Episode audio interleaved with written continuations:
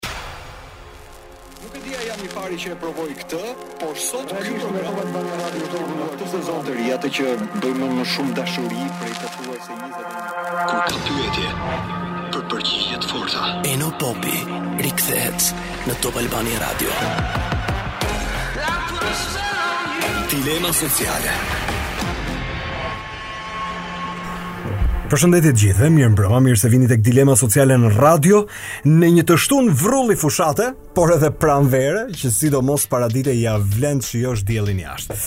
Dhe e gjithë vëmendja ka shkuar tek fushata, tek fushata e madhe që po bëhet, ajo që herën e fundit tek Dilema e diskutonim se në çfarë gjuhe komunikimi politik ka shkuar nga gallata publike, humori politik dhe një tjetër stil se si fushatohet sot. Megjithatë, jemi në ditë përballjesh. Nesër për shembull kombëtarja përballet me Anglinë dhe objektivi është të ruajmë dinjitetin, pra mos na bëjnë sallatë anglezët me gola në shtëpi, së paku këtë thoshte Edi Reja, dhe më në fund policia mori përsipër që uh, të garantojë sigurinë e ndeshjes se uh, nuk ka turp më të madh se t'i çonim letra anglezëve që uh, policia s'na e merr përsipër të garantojë ndeshjen. Po histori shqiptare këto Ndërkohë në një tjetër ë uh, kohë dhe në një tjetër situatë më të qetë, për shembull fjala vjen pa politikën nëpër këmbë, do të merrte vëmendje një tjetër përfaqësim i Shqipërisë që është përfaqësim ndërkombëtar dhe është Eurovisioni. Okej, të mendoni që gati fiksim artistësh që gati mbetet uh, se po rri po mendoj tani. Unë them fiksim artistësh, por shumë nga artistët nuk e pohojnë. Ti i pyet, e ke dëshirë Eurovisionin ose e ke pas ëndërr edhe të gjithë e mohojnë këtë gjë se e duan Eurovisionin si trofe. Por për të thënë të vërtetën, është bërë Eurovisioni një event debati publik sa herë Për shembull, televizioni shqiptar në vjeshtë rekruton emrat për festival. Dhe ne kemi patur përfaqësime të mira për të thënë të vërtetën në Eurovision, por edhe rezultate të cilat të um, kanë qenë dekurajuese deri në një nivel që ti thua, më fal, uh, po ky ekipi këtë vit a ka shku për turizëm dhe për shëtitje, sepse nuk shkëlqyen dot. Megjithatë, çdo vit ne merremi që nga anglishtja e këngëtarëve nëpër intervistat e vlogerëve të Eurovisionit deri tek mënyra se si Shqipëria e përfaqëson veten në skenë, në atë 3 minutëshin e vet unik. Shumë syresh, artistë dhe grupe pune janë të pakënaqur për mënyrën se si shkon që nga mbështetja e vetë institucionit që i dërgon në bazë të lidhjes me EBU-n e deri tek uh, histori që ne i kemi dëgjuar nga këngëtarët, këtë nuk është se thjesht më duhet të citoj, se i paguajnë me xhepin e vet një pjesë të mirë të shpenzimeve. Por ne në prag kemi një tjetër pjesëmarrje. Rotterdami në mes maji pret Anxhela Peristerin dhe ekipin e saj për një tjetër përfaqësim që unë nuk e di nëse historia do të përsërisë veten apo jo, por kjo mbetet për t'u verifikuar dhe për t'u parë. Ama ajo që kam vendosur unë sot të dëgjoj nga protagonistët në këtë histori të përfaqësimit të Shqipërisë në Europë është ajo se çfarë ata mendojnë Për këtë, pjesëmarrje që është vetëm punë një muaj e pak. Kështu që vetëm pas pak në program më vjen Anxhela Peristeri. Po ashtu uh, do të lidhem me Martin Lekën. Uh, në vjen, më vjen uh, Kledi Bahiti në studio dhe po aq Olti Curri. Dilema sociale. Votuar programi më i shumëpritur i sezonit. Me Anxhela Peristerin më është dashur të negocioj nja 10 ditë të mira, po vi pastaj më është dashur që uh, të rregulloj ca orare dhe e kam gjetur në punë e sipër se një vajzë punëtore nuk mund ta ketë ditën bosh. Anxhela, përshëndetje, mirëmbrëma. Unë e di që ti je në full në punë tani. Përshëndetje Eno, mirëmbrëma të gjithëve. A kënaqësi që dëgjohemi. Ti je duke ndihmuar Gjebren tani për ca këngëtarë grekë te kënga magjike, mos gaboj? Uh, jo, faktikisht një shoku im grek ka ah, okay. ardhur dhe konkurron në këngën magjike dhe unë sigurisht jam prezente për okay. ta mbështetur. Okej, okay, shumë mirë. Tani Anxhela, të flasim pak për atë që është goli jot profesional. Në një sens Eurovisioni uh, uh, vjen shpejt edhe ti je në përgatitje e sipër. Shqipëria mos gaboj ka mbyll atë klipin i cili është klipi përfaqësues apo jo? Po, po. Më trego pak më shumë, i mbylle xhirimet. Ëh. Po xhirimet janë mbyllur, klipi ka dalë në treg ka gati 2 muaj. Ëh. Është në YouTube, domethënë, është xhiruar nga Imagine Film në Kosovë. Ëh, me skenarin është marrë sigurisht Imagine Film dhe konkretisht Butrinti, që ishte regjisori i klipit. Ëh. Ëh, mendoj që është bërë një përshtatje shumë e mirë e tekstit me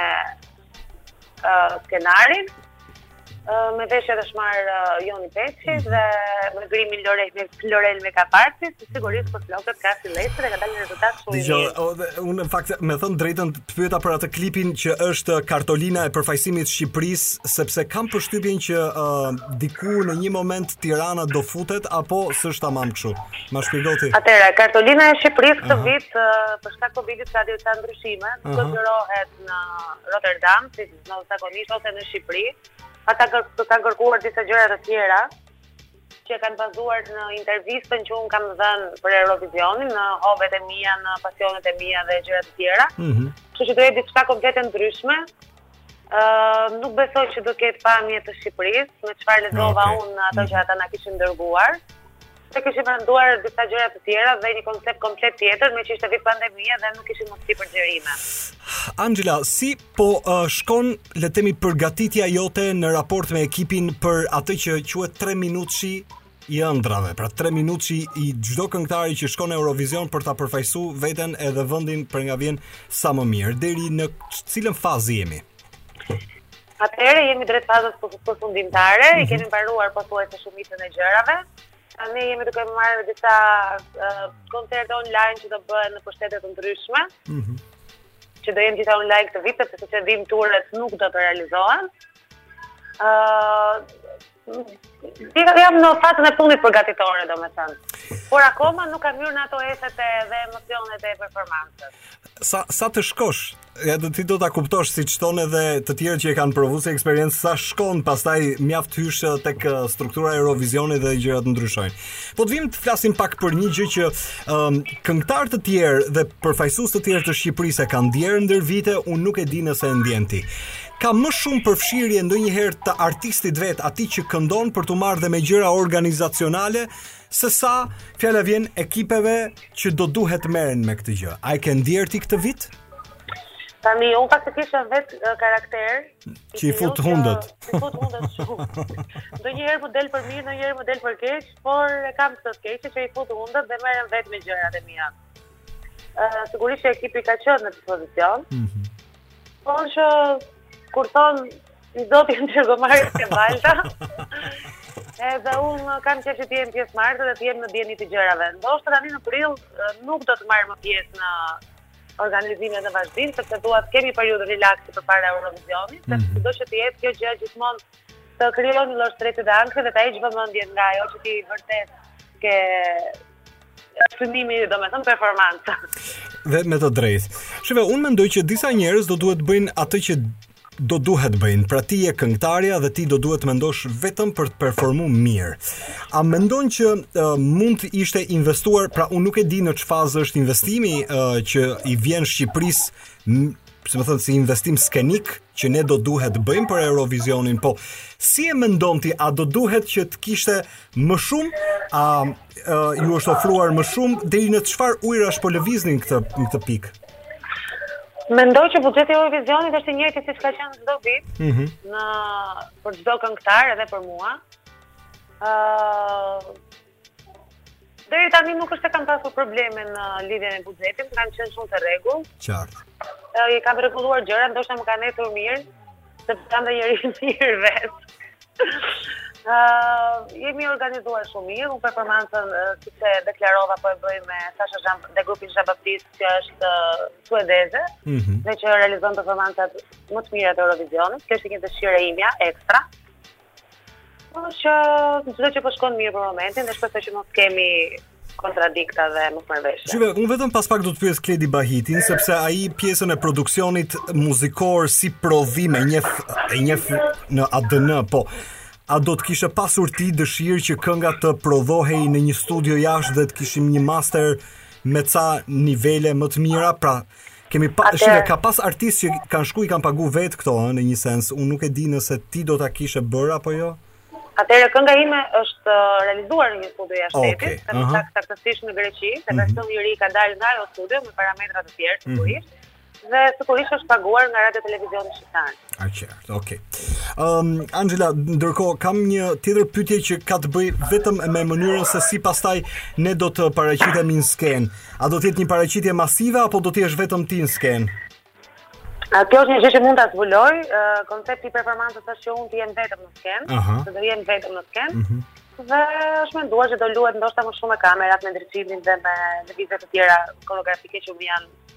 instruktuar mua.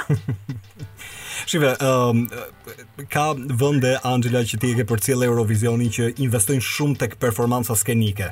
Shumë njerëz, po ashtu butafori, rrjedhimisht i marrin përsipër.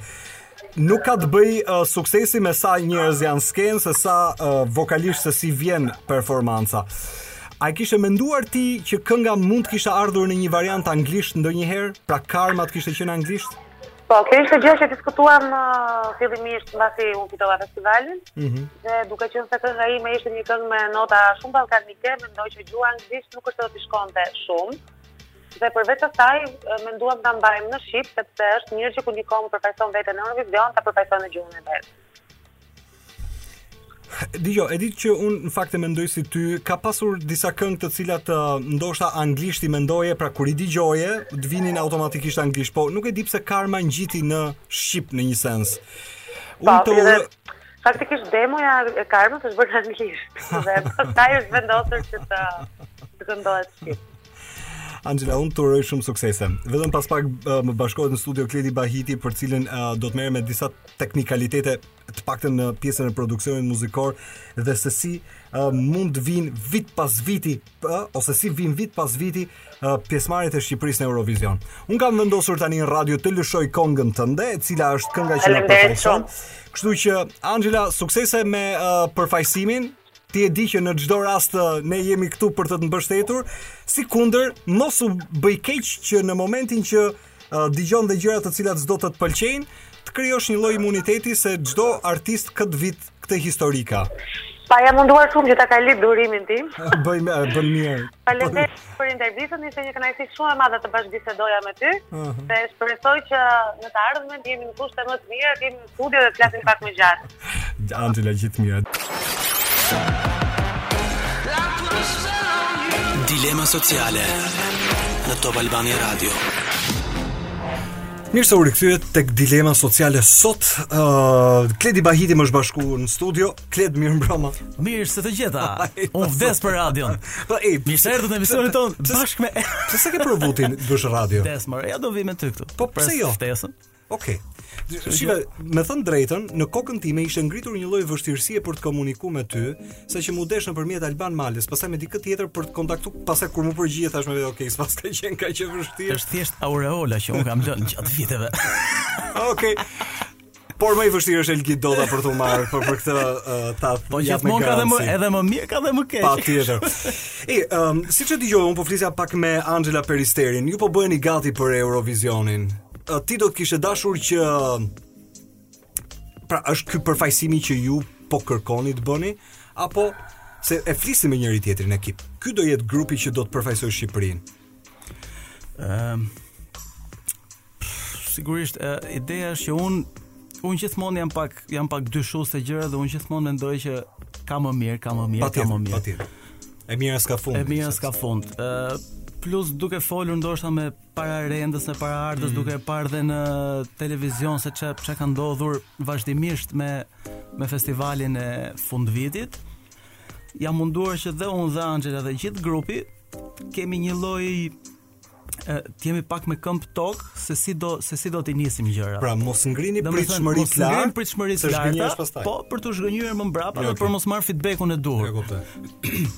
Më fal, kështu që unë mendoj i kemi nisur gjërat hap pas hapi. Unë do të them që Anxhela është është gocë shumë punëtore mm -hmm. dhe në në ato që bën do do të jetë do të marrë gjithmonë esencën më të mirë. Nuk është hajt ta bëjmë, hajt ta bëjmë se shyqyr se qefi max do shkojmë në Eurovision apo nuk di se çfarë. Vetëm më shpjego pak, si ka mundsi kënga u konceptua anglisht, Ok, u përshtat për uh, festivalin, por ju gjenezën e paskeni pas anglisht Karmës. E, jo, nuk është problemi i gjenezës anglisht. Se mund të kishte qenë interesante në Eurovision anglisht, jo, mendoj unë tani. Nuk, nuk besoj që okay. kishte qenë jo, interesante. Unë them që unë, domethënë unë gjithmonë demot në fillim, mm. më përpara kam pas bërë anglisht. Si, si. Gjithmonë demot, për shembull kur nis një demo try to reason matter of ia fus fjalëve kota, kupton? Sepse të të sjellin kanë disa zanore, disa të japin një artikulim ndryshe, kupton?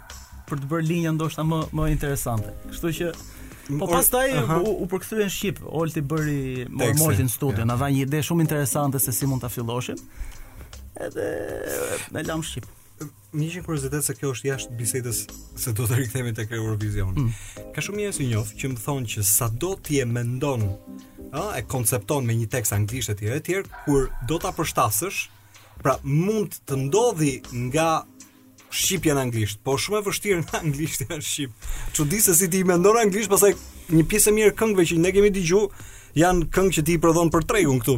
Po sigurisht, po un prap mendoj që nga shqipja në anglisht uh -huh. është më e vështirë se sa nga anglisht në shqip. Është vërtet?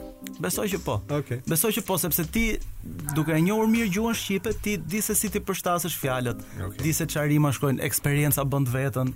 Kjo fjalë rri, kjo fjalë nuk rri, ndërsa kur e bën nga shqip në anglisht, të duhet një të duhet një person që e njeh shumë mirë gjuhën dhe gjithmonë pa pa paragjykuar njeri, unë mendoj që të gjitha këngët që janë bërë nga shqip në anglisht mm -hmm. nuk më pëlqejnë, nuk më tingëllojnë. Shumë artiste, të cilat edhe artistë me të cilët ti ke bashkëpunu, ë uh, Natyrisht ata kanë kënduar këngët e tua. Megjithatë, a ishte momenti për të shkuar në Eurovision? A është Eurovisioni mm. Kledi një trofe në kurikulum artistësh? Unë e nisa duke thënë që ndonjëherë artistët kur i pyet askush nuk e pohon drejtpërdrejt se Eurovisioni është fiksim i vet. Por në realitetin që jetojmë duket sikur është kthy çështje rradhe kjo punë. Është vërtet. Apo është perceptim i gabuar.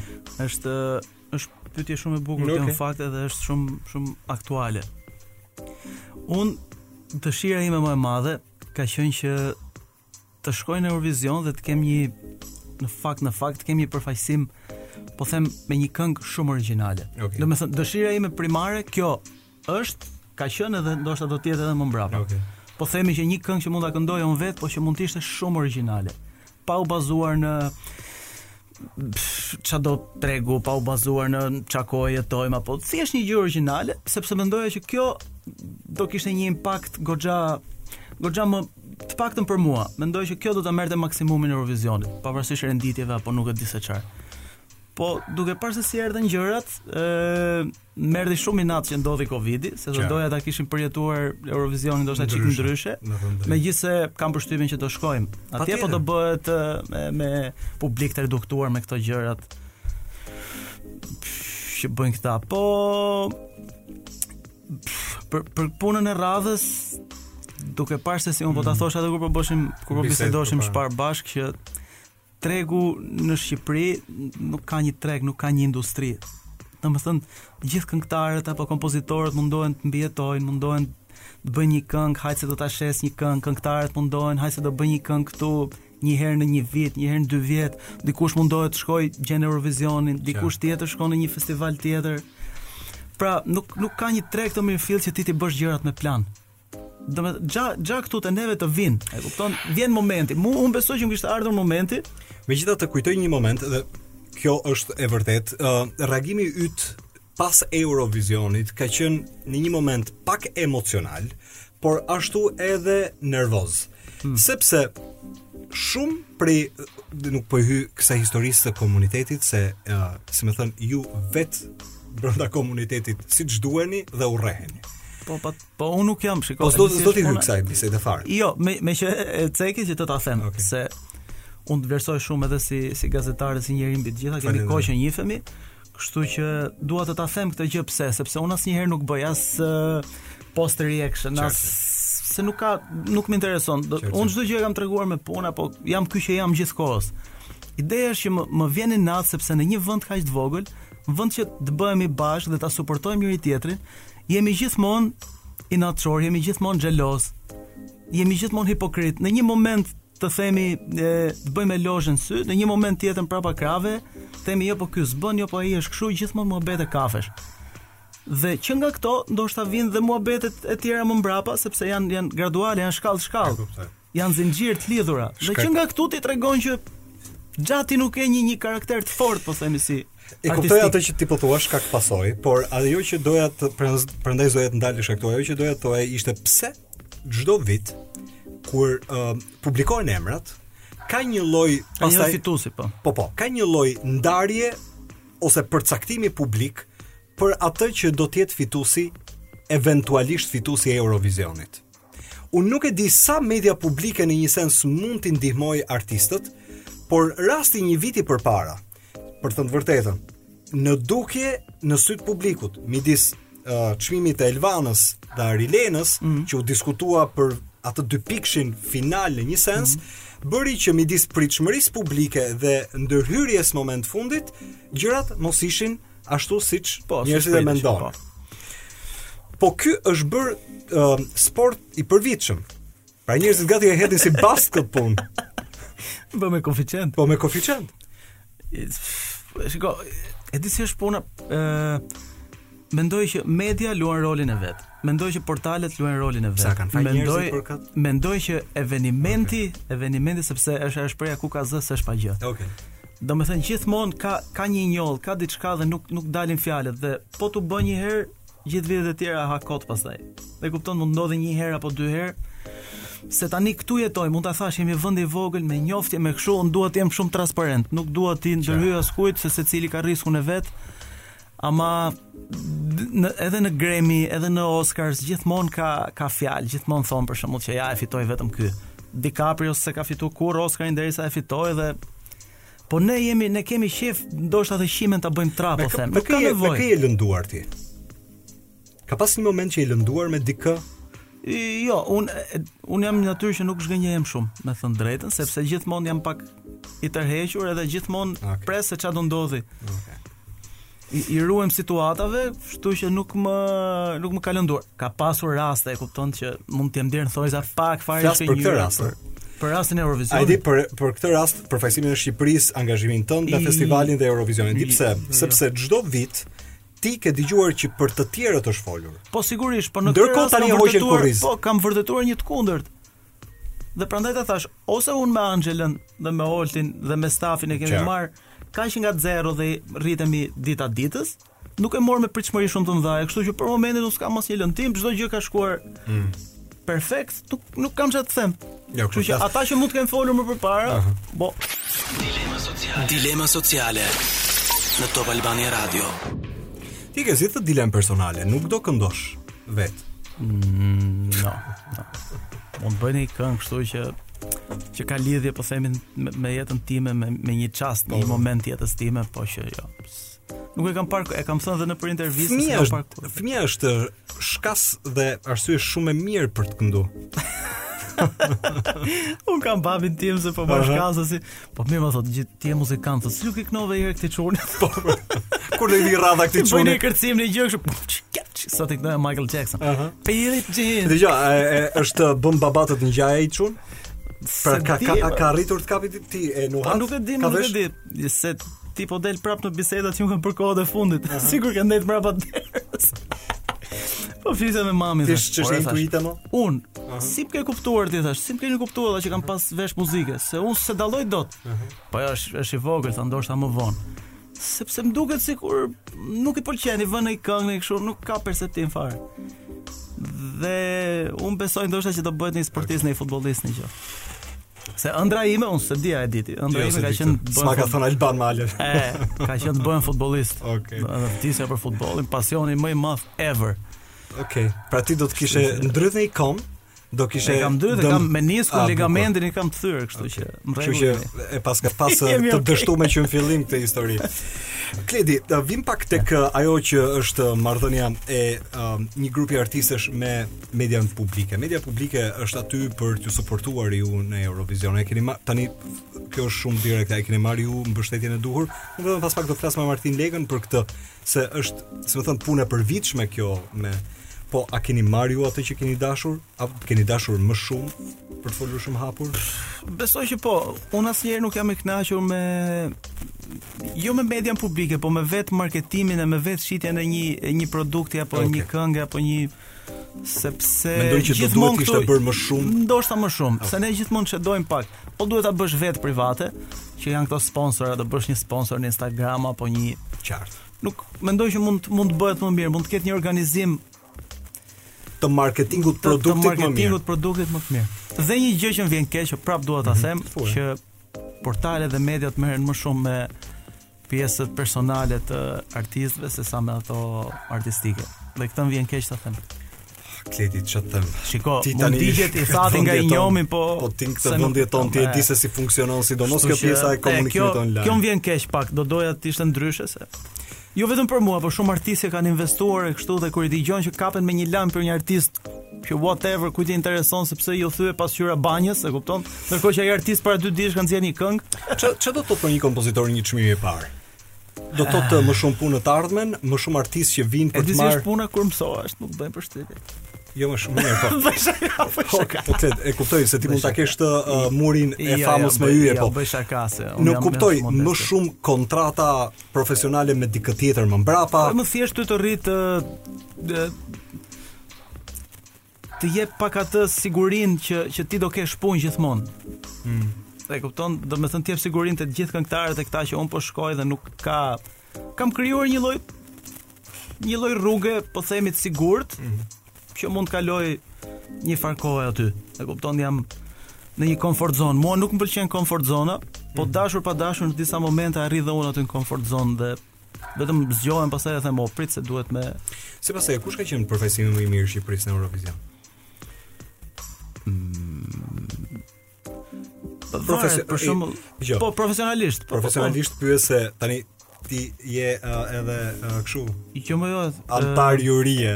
Jo, ti vlerëson të gjithë talentet e reja në një sens. Mm. Tek jo, po. Më shumë uh, S'ka arsye që të tutesh për të. Mua më ka dhënë një emocion dhe më ka ngjethur, ka qenë Rona. Rona është. Mm. Rona Nishliu më ka pëlqyer. Ka pas ka, ka qen unike në llojin e saj, kishte identitet si si material, si u puqën gjërat shumë. Eugen Bushpepa bëri rock dhe skena ishte plot në një sens sepse me rockun një këngëtar solo uh, kam përshtypjen që e ka pak të vështirë. Rona si soliste në një sens, mm -hmm. gjithë përqendrimin dhe vëmendjen e publikut e kishte tek vokali vet. A do tentoni të bëni një bis me Anxhelën sepse kënga në një herë shkon lart, është e fortë. Jo, unë kam qejf, unë kam qejf në këngë të të përdor të bëj të bëj kontrast. T'i jap T'i jap ngjyra materialit, mos jem linear nga fillimi deri në fund. Dhe okay, u përsërit tre herë okay. refreni, u përsërit dy herë strofa. Më pëlqen që të ketë një kulminacion, të ketë një zbritje, të ketë një dhe të gjitha këto gjërat kam përshtypjen kënga i ka, qoftë ka dhe etnon, ka dhe popin, ka dhe Eurovisionin. Mm -hmm ka ka dhe strofa alla shqiptarçe, ka dhe, domethënë jam munduar të përfshij disa gjëra. Kam eksperimentuar çik, domethënë, plus pastaj me produksionin grek që bëmë. post produksionin jam shumë i kënaqur, nuk kam ndonjë ngërç. Do të jam shumë i kënaqur. Tipi Londër, uh, Amerikë jo, apo s'ka jo, bëj fare. Jo, sepse lloj lloj i këngës nuk do shkonte për shtat. Domethënë kënga okay. duhet të rrinte brenda Ballkanit. Unë falenderoj që erdhe. Falenderoj uh, për të qenë korrekt edhe për të lënë ty tani të shkosh në shtëpi. Unë kam një nostalgji sa herë këtu, sikur vija nga Top Festi atë. Uh -huh. I hershëm si Top Fest. Disa artistë, domethënë kanë lënë kujtime këtu te Piramida. Po kam një lloj nostalgjie, më kujtohet kafja kur ishte Është është nice, është. E faleminderit Kledi që. Po pres tekstin për radio gjithsesi. E po un uh, duhet ta marr seriozisht këtë punë. Nëse po, ti gjithmonë nuk uh, më I am ready. Më është bashkuar Olti Curri në radio. Përshëndetje. Mirëmbrëma Olt. Olti um, vazhdon uh, i rritet mosha dhe ulet dëgjimi, ja ta ngrit pak. Hajde, mirë se vjen në popi. Ti vazhdon e ke këtë problem, ha? Kë? Problemin e dëgjimit. Pa ti më njëse një nga tek me zgjedh nga kufjet more që në dymijëshin more te koça do të vim më more. Ja ke bërë këtë. Oh, por ama fjalët e këqija i dëgjoj. Edhe në gjumë. Po shumë mirë. Pipëz e kam veshin. Jo. Kjo është gjë. Dëgjoj po. Hey, vetëm pas pak unë do të lidhem uh, me Martin Lekën. Megjithatë, uh, po flisja pak me Anxhelën edhe me Kledin pak para se ti të vije, është ndjehet në një sens mënyra se si ata po përgatiten, po Po përgatiten për organizimin e Eurovisionit edhe Anxhela dhe Kledi. Po. Ça bën? Po ti ku je këtë mi? Po në un po fjala ishte e para thotë Bibla, domethënë, unë ç'pata për të thënë thashë. Ç'pata për të bërë e bëra. Sepse mua më duket sinqerisht, sinqerisht, sinqerisht nuk jam marrë fare. Domethënë Si mund? Jam marrë që në verë me këtë këngë, okay. vitin e shkuar, ku erdhëm shkuam te studio e Kledit, më pëlqeu demo, thashë do e bëj. Okay. Ja po ta tregoj kështu fare. Okay. Dhashë konceptin si e mendoja strukturën, bëra, bëra, shkruajta dhe dhashë kaq. A, uh, dy ditë para uh, festivalit, Anxhela më takoi, shumë e stresuar, do fitoj, është konkurrencë, do fitoj, do fitoj, filani ka thënë kështu, filan portal ka thënë kështu, filan portal ka thënë kështu. Mm. Domethënë ma kaloi gjithë stresin e saj, ma kaloi mua. Qartë. Ndodhi ajo që ndodhi, unë e pashë nga shtëpia, as nuk shkova atje, fituam edhe kaq. Mirë. Uh, ne... Sepse, sepse. Ë uh, Për sa i përket uh, tekstshkrimit, u shkruaj shumë pak tekste dhe shkruaj vetëm në, për shembull, Kledi Bahitit nuk i them dot kurrë jo, Anxhelës. Janë një dorë këngëtarësh që nuk kam në një dorë miq, le të themi, më shumë se sa kolegë që të shkruaj. Kupton sepse ajo është ajo që është ë uh, tarifat e shpërblimit ekonomik janë ato që janë, sidomos në festivale e fundvitit. Ti çfarë, fjala vjen, e ke marrë ti? Më ka mund të kem marrë tek as 200 euro duket. Hiq, hiq tatime, hiq këtë, hiq atë. Okej, okay, kështu që Branxhe bëra Orgesa Zaimi, kisha dy tekste, edhe mora lek të madh, leku letër.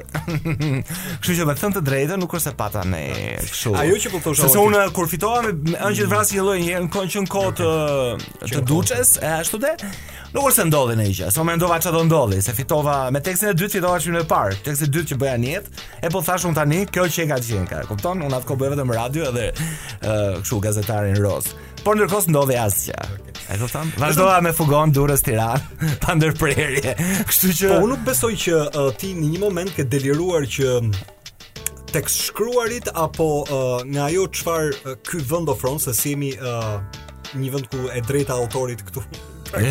Faleminderit. pra sa herë fjala po. vjen të kalojë një këngë në transmetim, ty të arkëtohen para. E drejta pra. autorit janë disa emra që shkojnë te qoftet edhe kërkojnë më jep 10000 lekë se ke vënë këtë këngë. Po për këtë do të flasim vetëm uh, në një puntatë tjetër, po. Ndërkohë, sot kam Të kam thirrur për të folur pak për një klimë që ekziston çdo vit për Eurovisionin. Ti e konsumon jo detyrimisht i përfshirë siç u përfshive këtë vit, pa. Po. por po aq edhe sepse je pjesë e komunikimit.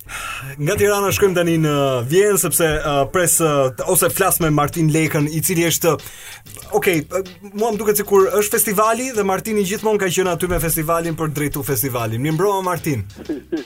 Mirë mbrëma, mirë mbrëma. Nuk e di, po nuk është perceptimi im i gabuar. Unë jam me Oltin në studio Martin, po ëm um, shiko, ajo që vazhdimisht më intereson tani në këtë periudhë është që media publike, pra ju jeni duke u përgatitur për Eurovisionin. Në çfarë faze jeni nëse mund të të pyes? Po sigurisht ky është Dihet tashmë është një festival i pazakontë, ishte festival i pazakontë për ne, është gjithashtu i pazakontë edhe për Eurovision. Ne jemi në fazën e fundit përgatitore, domethënë jemi pothuajse kemi mbaruar klipin, kemi mbaruar këngën, mhm. kemi bërë regjistrimin e parë nëse vazhdojnë variantet e, e ngushtuara si pasojë e Covidit, kështu që jemi pothuajse gati për udhëtim. Sigurisht, duke qenë festivali i pazakontë, mm -hmm. nuk janë bërë promovimet siç kanë qenë gjithmonë, ne kemi mhm. bërë promovimet, sepse online kryesisht, por jo si dikur që shkonim nëpër Po, po. Turnet prezantuese. E kuptoj. Martin, a ka te, un kam përshtypjen që ti e ke dëgjuar çdo vit, është gati një refren që përsëritet mes artistëve dhe ekipeve që ju i përzgjidhni, po. pra, domethënë, ata fitojnë Euro festivalin, shkojnë pastaj në Eurovision eventualisht. Kanë një lloj pakënaqësie në raport se si kënga promovohet apo se si ne Shqipëria në një rast, dhe kur flas Shqipëria nënkuptoj mm -hmm. po mhm. ashtu media publike, do duhet të bëjë më shumë për të promovuar këngën si produkt, flas. A të rezulton ty kështu? Në fakt, gjithmonë ka një por, mm -hmm. por unë Po them këtë, që mbi bazën e mundësive që ka radio televizioni, mbi mhm. bazën e mundësive që ka Shqipëria, mhm. sigurisht dhe gjatë gjitha viteve ne kemi bërë promovimin e, e këngëve ndoshta ndonjëherë më shumë se sa bëjnë shtete të mëdha. Nuk përmend nuk po përmend këtu shtete si Anglia apo të tjerë tjerë. Por ë kjo është për sa i përket mundësisë financiare. Në parantezë dua t'ju them Eno që mm -hmm. një shtet si Azerbajxhani mm -hmm. kur fitoi festivalin në në Gjermani, në Düsseldorf, vetëm reklama nëpër rrugët e Gjermanisë kishte harxhuar 2 milion dollarë. Gjithë buxheti ynë për të shkuar në Eurovision është rreth 100 e e pak mijë euro. E kuptoj. Ndërkohë që buxheti i gjithë festivalit të këngës në Radio Televizion, mm. për shembull ai që sapo Iku është jo më shumë se rreth 250.000 260.000 euro. Kuptoj. Kështu që në këto kushte un them që sigurisht që ka më shumë, ka, duhen gjetur metoda, forma, ë, kështu funksionon Megjithatë Martin jam Olti Curi, përshëndetje Martin. Uh, po, po, përshëndetje. Uh, Megjithatë këtë vit s'duhet të ankohemi, sepse do të kesh në grup mua dhe Kozeta Kurtin që kemi zvogëluar stomakun dhe nuk do hamë shumë. Kështu që Kështu që do të Për Kozetën nuk e di, për ty e di. Kështu që ja na edhe një lajm, na edhe. Unë do të ndërhyj vetëm edhe një herë tjetër Martin dhe ju vazhdoni pastaj. Po. Uh, po mendoja, Eno Popi, mhm. Martin Leka, RTSH, Eno Popi, Martin Leka, Radio Televizioni Shqiptar. Uh, pse nuk e merrni Eno Popin te Radio Televizioni Shqiptar? Po pse do duhet? Ma, shih, se ti nuk e di, po unë me Martinin kam një njohje shumë para medias publike. Unë nuk e di fare, po e bëj publike këtë pyetje. Pra Martini mua më ka njohur adoleshent që te Koha Jonë. Po më tani nuk je adoleshent, tani je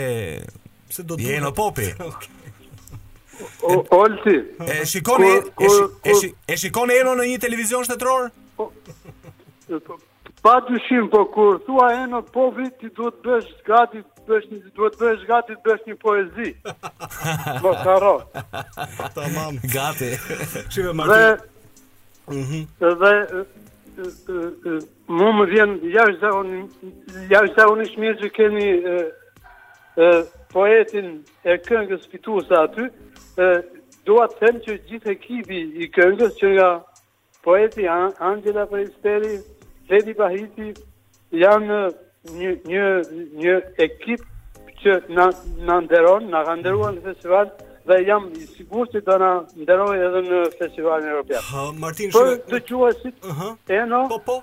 E, Duhet të kemi parasysh që edhe festivali europian do do do zhvillohet në kushte jo normale. Domethënë është një edicion i pazakontë dhe me masa të rrepta sigurie si pasojë e Covidit.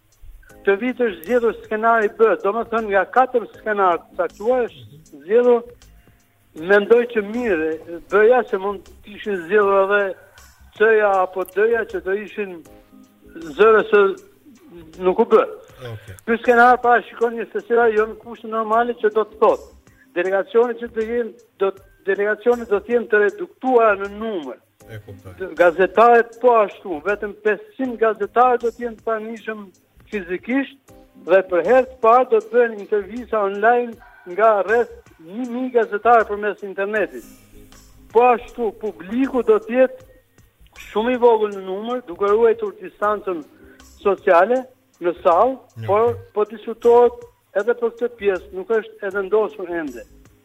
Ë, të gjithë artistët dhe delegacionet do t'u nënshtrohen tamponeve çdo ditë apo disa herë në ditë dhe gjithçka do të jetë e monitoruar, do të jetë e monitoruar lëvizja në, në nga hoteli në qendrën ku zhvillohet festivali, vetëm me autobuzet e delegacioneve e të tjera të tjera. Shih, Sanremo e e futi si formë dhe unë e kuptoj. Po Martin, shih, kjo është pyetja e fundit dhe do të të lë të shkosh tash. Edhe shih, unë Ty ta njoh dhe për thënë vërtetën ta reputoj këtë pjesën e nuhatjes që ke pasur për rezultatet e Shqipërisë në një sens në Eurovision. Për shembull, unë kujtoj kur praktikisht ti evokoje fort se Rona Nishliu do ishte sukses, ishte gati e pamundur kur një pjesë e mirë e njerëzve thoshin që kjo është një këngë e cila nuk do të duhet na përfaqësonte.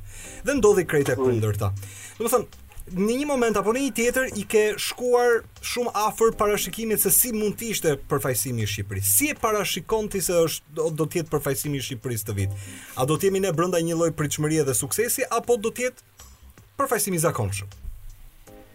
Ë un duke u nisur nga cilësia Dhe vokali i këngëtares e cila interpreton këngën që na përfaqëson në Eurovision. Uh -huh. Duke u nisur nga poezia, duke u nisur nga stili dhe gjithçka ka kënga, poezia e të tjera, uh, unë them që ne do, do, do përfaqësohemi jashtëzakonisht shumë mirë.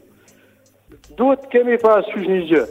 Ë mënyra e votimit ka ndryshuar Eurovizioni e ka ndryshuar disa herë mënyrën e votimit dhe këto vitet e fundit ka një tjetër mënyrë të çuditshme votimi e cila shpesh është kontestuar siç kontestohen të gjitha juritë në xhanër, por un nuk më lejohet ta them, po un do ta them këtë. Mm -hmm. që votimi gjeopolitik është i pashmangshëm në një aktivitet dhe me këtë formulë. Kështu që s'ke ça i bën teksa e rradhe. Okej. Okay. Kështu që nuk është nuk është problemi s'ke ça i bën se rradhe. Un un po të them që këngën e kemi të shkëlqyer, këngëtarin, këngëtaren e kemi të shkëlqyer. Poetin e kemi të shkëlqyer, kompozitorin të shkëlqyer, ç'do tjetër nga jeta. Okej, të shohim uh, Martin Shive ndonjëherë, uh, pastaj ajo që vjen më pas rezultati tregon. Un nuk besoj që do të jetë një surprizë e madhe, besoj që ka një lloj pritshmërie për një kualifikim të mundshëm, pra për të shkuar në finale, po finalen e kapim se s'bën tani, ja po them unë që tani. Për finalen, pastaj mbetet për t'u parë. Martin, faleminderit edhe uh, të uroj natë të këndshme. Faleminderit, unë vetëm një gjë do të po, them. Po, më thuaj. Në fund, nëse mundem. Po. Ë Shqipëria ka marrë pjesë në 16 festivale, e heqim festivalin tjetër europian. Ah, okej. Okay. Dhe nga të gjitha më shumë se gjysmën e herëve ka e, ka dalë në finale dhe ne kemi marrë që nga vendi 5 rënë, shtiu, shtata Anjeza Shahini, i njëmbëdhjetë Eugent Bushpepa etj. Mos harro që ka shtete si Anglia etj etj që që nuk kualifikohen kurrë këtë drejtë. Me vite nuk kualifikohen as në finale. Kështu që ne unë e di që pasi të ikim pasi të kthehemi nga Eurovisioni do vazhdojmë nëse dalim ose okay. dalim finale ose dalim në një vend tjetër do do vazhdojmë të gjuhemi me gur, po okay. nuk ka rëndësi, ne na është bërë shpina Shoh si do t'i shoh që do t'i duaj. Mirë, faleminderit Martin. Ka për të përfaqësuar Shqipëria. Okej. Okay. Mirë, Martin, natën e mirë, natën e mirë. Edhe vetëm pas pak flas me Oltin për një diskutim i cili është gjithmonë publik. Sa herë me që jemi këtu, i bëjmë thirrje të gjithë shqiptarëve që, që jetojnë jashtë Shqipërisë, të jenë të vëmendshëm dhe të votojnë për këngën e Anxhela Peristerit. Sepse domethënë, shqiptarëve është vlen. Ashtu dhe faleminderit shumë që postoni ato shqiponjat në flamur sa herë kemi ndeshje ose po në Eurovision është ndryshe. Domethënë mund ta tregoni atë dashurinë edhe duke shpenzuar 50 cent apo 1 euro apo një çik edhe më shumë për ta nxjerr këngën në finale Drejshje e mori. Ti ca miq italiani ke duhet ta bëj. Unë vazhdoj mbetem me Oltin sepse Eurovisioni shqiptar vetëm Oltit ka mbetur. Oltin ka mbetur sot po. Të mbajta uh, jo pa arsye për në fund. Se ca gjëra do duhen folur tani hapur në fund me njeri që unë e di që ti s'ke pak uh, s'ke qime në gjuhë për këtë dhe uh, edhe mund t'i thuash se ky është një fenomen shqiptar. E jo se i kam depiluar, po s'më kanë lindur, s'më kanë dalë kurrë. Çdo vit mm -hmm. sa herë uh, i dalin emrat për festivalin gjithmonë ka një uh, garë për të gjetur se kush është fituesi. Në çdo garë ndodh kjo, ëh, ndodh në kudo, kudo. Por kush mendon si mendon? Nga ana tjetër, kjo po ta shohësh në terma afatgjatë gati ka dëmtuar institucionin e besimit brenda festivalit, sepse rrjedhimisht një pjesë e artistëve dhe zërat kanë ardhur vetëm ë nga komuniteti këtë, si domethënë komuniteti i artistëve të pastaj frynë publikun, në një sens që meritokracia është vra dhe po. ata që shkojnë në Eurovision janë të parazgjedhur. Ë këtë mund ta them me garanci të paktën për këtë vit që nuk atë që po thoya edhe ty që nuk di ça bëhet, nuk ka ashtu, kështu që thjesht kemi hyrë në një garë si çdo garë tjetër. Kupton? Nuk do të preferoja kurrë që fitorja të ishte e përgatitur në tavolinë, unë vetë si uh, artist sepse do pres të gëzohem kur fitoj. Domethënë, unë jam gjithmonë për garat e hapura, garat e, e merituara, ndofta ngaqë këto 10 vitet e fundit vij nga bota e internetit e klikimeve, ku gjithçka është e kontrolluar dhe e, ti vlen aq sa klikohesh, kështu që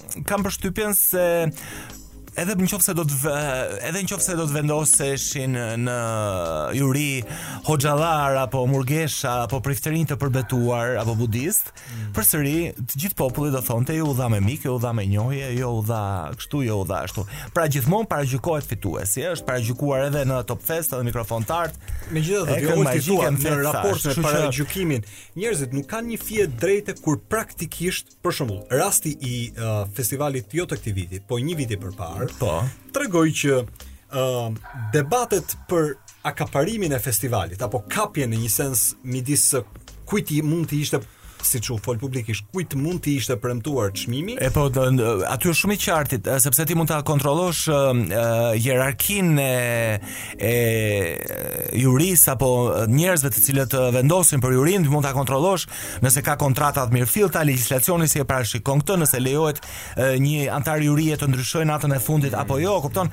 Pra ti ke përgjegjësit aty, kështu që e, duhet thjesht dëshira e mirë për ta vendosur rregullin në vend. Kështu që kam përshtypjen se këto diskutime janë e, edhe të kota dhe ndërkohë që ja ku është faktin e Bërtasim ujku ujku. E kam pyetur Bojken Lakon sinqerisht, pse merr pjesë në festival? Realisht. Edhe për të kuptuar që ndonjëherë ca artistë mund t'i duhet festivali. Ka shumë artistë që i duhet festivali. Të gjitha festivalet aktualisht bëhen dy festivale.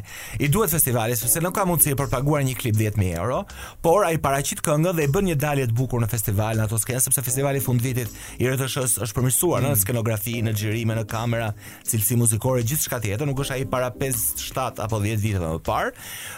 Po te kënga magjike po ashtu, kështu që këngëtari e ka shumë të mirë që të prodhojë një këngë, kupton që ndonjëherë edhe me çmime modeste, Do të thënë mund ta mbylli këngën edhe me po flas me 1500 euro, tekstin, orkestrimin, muzikën dhe gjithçka tjetër, po flasim me buxhet të ulët, pjesëmarrja atje është falas, i xhirohet një klip i bukur i regjizuar, i regjizuar me një regji të mirë, me një skenografi të mirë, ndoshta me një element baleti, diçka tjetër, dhe aty i mbetet në YouTube, në CV dhe kudo tjetër, një dëshmi artistike pra që e ka që po ta prodhonte vetë me një klip, me një grup xhirime, gjithçka tjetër okay. do t'i shkonte edhe më shumë. Ëm, um, ja po të ndigjoj deri në fund, po thosha kur e kam pyetur Bojkenin që Për çfarë arsye merr pjesë në festival është gjithmonë një pyetje kur një artist lëndohet nga çfarë klime mosbesimi ka mbi festivalin rreth e qark atyre muajve. Pra fjala vjen për shembull, ti je aty në listë, por ti e di që për dikë flitet se është mbyll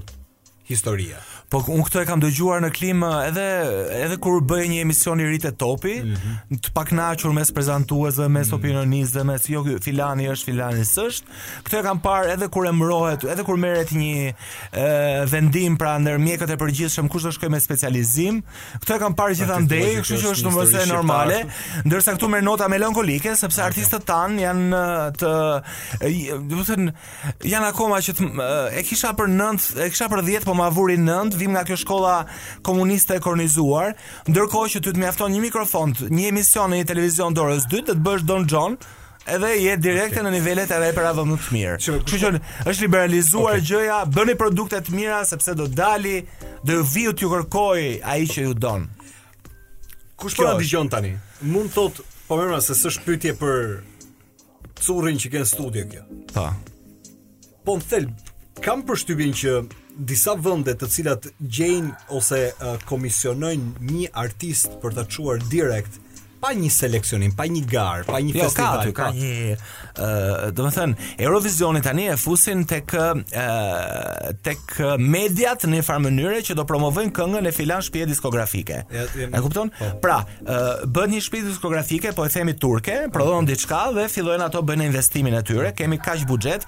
Uh, unë mendoj thot ai ta nxjerrim këngën në MTV, këtë ta nxjerrim këtu ta çojmë në Eurovision. Do na duheni. Kupton? Do na duhej në festival, festivali është traditë, ose festivali është copy paste San Remo dhe meqë San Remo ka çuar gjithmonë edhe okay. ka ta, një pjesë shkëputje pati tani, unë kam përshtypjen se kjo është traditë e fakti që festivali ka ardhur si një imitim mm -hmm. i Sanremos, Sanremo çon këngë, kështu që ka ngelur kjo gjëja. A ke qenë ti dakord kur u fol përpara disa kohësh uh, për një uh, produkt për në Eurovision i cili nuk do të ishte më pavarësisht se media publike për shkak kontratës me EBU-n ajo e ka drejtën tash. Po, po. Por u hodh një ide që gjithmonë fillon me një ide. që nga Top Festi, nga Kënga Magjike dhe nga Festivali i TVSH-së të dilin tre produkte dhe pastaj të shkojë me o me një votim publik, o me një uh, Tani me votimin publik nuk jam dakord se fati o me një po, përzgjedhje po, po, me juri, me një juri. Pra- Atëherë do paragjykohej prap. Nëse do ja lije në dorë votimit publik, në Eurovision do shkonte Muharrem Ahmeti. Mm. Në qoftë se do bëhej një juri, Juria do bëhej prap lëmsh. Kupton? Kështu që prap do paragjykohej, prap do dilte në juri në qoftë se do ishte Eno Popi apo Olti, Eno ka punuar me Oltin në Top Albania Radio dhe fitoi kënga e Oltit sepse u takuan te pazari i ri, hëngrën akullore te Reka e këto historitë që shqiptarët domethënë nuk kursehen fare, dhe gjithë kur po kur them shqiptarët janë gjithë rajoni i Mesdheut, se jo do shqiptarët. Kështu që kam përshtypjen se kjo do bëhej në qoftë se ë do të formohej një grup, nuk do të thoja juri, po do të formohej një grup ku të kishte njerëz të marketingut, të marketingut artistik, të drejtave autorit, ë të kishte kompozitorë dhe këngëtarë të cilët kishin në juri të këngëtarë të cilët kanë bërë sukses ndërkombëtar dhe e dinë çfarë duhet për atje, siç është Klajdi Lupa, siç është Era Istrefi, siç janë emra të tjerë të cilët kanë provuar tregun atje, kanë dhe eksperienca në marrëdhëniet midis kompanive, si menaxhohen këngëtarët e gjithçka tjetër. Okay. Pra, e kupton, duhet diçka, pra kënga s'duhet parë vetëm si këngë aty në Akademinë e Arteve okay. të ulur te Black Boxi edhe të stonove nuk stonove, por si një produkt. Okay. Është një lloj sikur po nxjerrim një pije energjike në treg. Tani si do ja bëjmë? Okej, okay. nuk e di nëse po shkruan më. Kush? Ti. A po. po shkruaj në WhatsApp. jo, nuk kam, nuk kam ndonjë po gjë për të dalë. Uh, WhatsApp e Instagram. Nuk kam, nuk kam, nuk kam, nuk kam ndonjë gjë tani, po nuk i dihet. Domethënë mund ndonjë gjë të vogël kështu kur të vijë vera buzë detit. Nuk kam ndonjë gjë në dorë. Besa Kokdhima. Hmm, pse është zhdukur në raport me ty? Uh, nuk është dukur, kemi një marrëdhënie të shkëlqyer. Jo, jo, pse është ah, artistikisht. Jo, kemi bërë një këngë para ca me ritme, kështu atë po ta dëgjosh çik stilin, nuk duket se është me dialekt kosovar. Sa fare për shtypjen që e kam bërë unë, po në fakt e kam bërë unë por ka yeah, jeton jashtë Shqipërisë, ka ashtu e kuptoj, e kuptoj, e kuptoj. Po qendron te ishte bashkëpunimi. Jo, ai ishte një cikël bashkëpunimi as për kohën që bëmë një revolucion, jo nuk nuk unë nuk e mbyll me asnjë, nuk është mbyllur. Jo, jo, jo. më solli një gjë tjetër që nuk munda ta finalizoj sepse ka, do të them, më merr aq shumë kohë, do të them online, do të them është një botë tjetër saqë je në komunikim për ditën duhet shofësh, duhet eci video, duhet eci postimi, duhet eci kjo, duhet përgjigjesh për këtë saqë të të bësh nga kjo rrëmuja e madhe, të ndash dhe të bëhesh artist një moment për të krijuar, duhet të jesh ose bipolar, Në ato fillime unë kam, un kam pas sa... mendu që u krijoi një lloj simbiotike midis teje dhe asaj që do të vazhdoni gjithë kohës, në një sens po. Edhe dëgjo, tani edhe s'ka gjë fare. Edhe Batisti me atë tekstshkruesin e harrova emrin tani me Mogolin bënë dy albume, pastaj gjithë do të thotë hynin e dilnin e vinin e iknin, kështu që nuk është e thënë. Ore dëgjo, ne kishim uh, Danko, kishim uh, Imagine Dragons edhe ta mbyllim me Imagine Dragons kënga quhet Follow You, meqë ra fjala tek uh, ndjekësit. Ti vazhdon rritesh? Ha. Okej, ta bëj. Edhe pa paguar asgjë. Si të gjithë. Pa sponsor. Yeah. Faleminderit. Ishte Olti me ne në radio dhe e mbyllim uh, një program i cili sot foli për Eurovisionin e shqiptarëve, i cili do duhet të jetë i shqiptarëve me një përfaqësim dinjitos. Natën e mirë.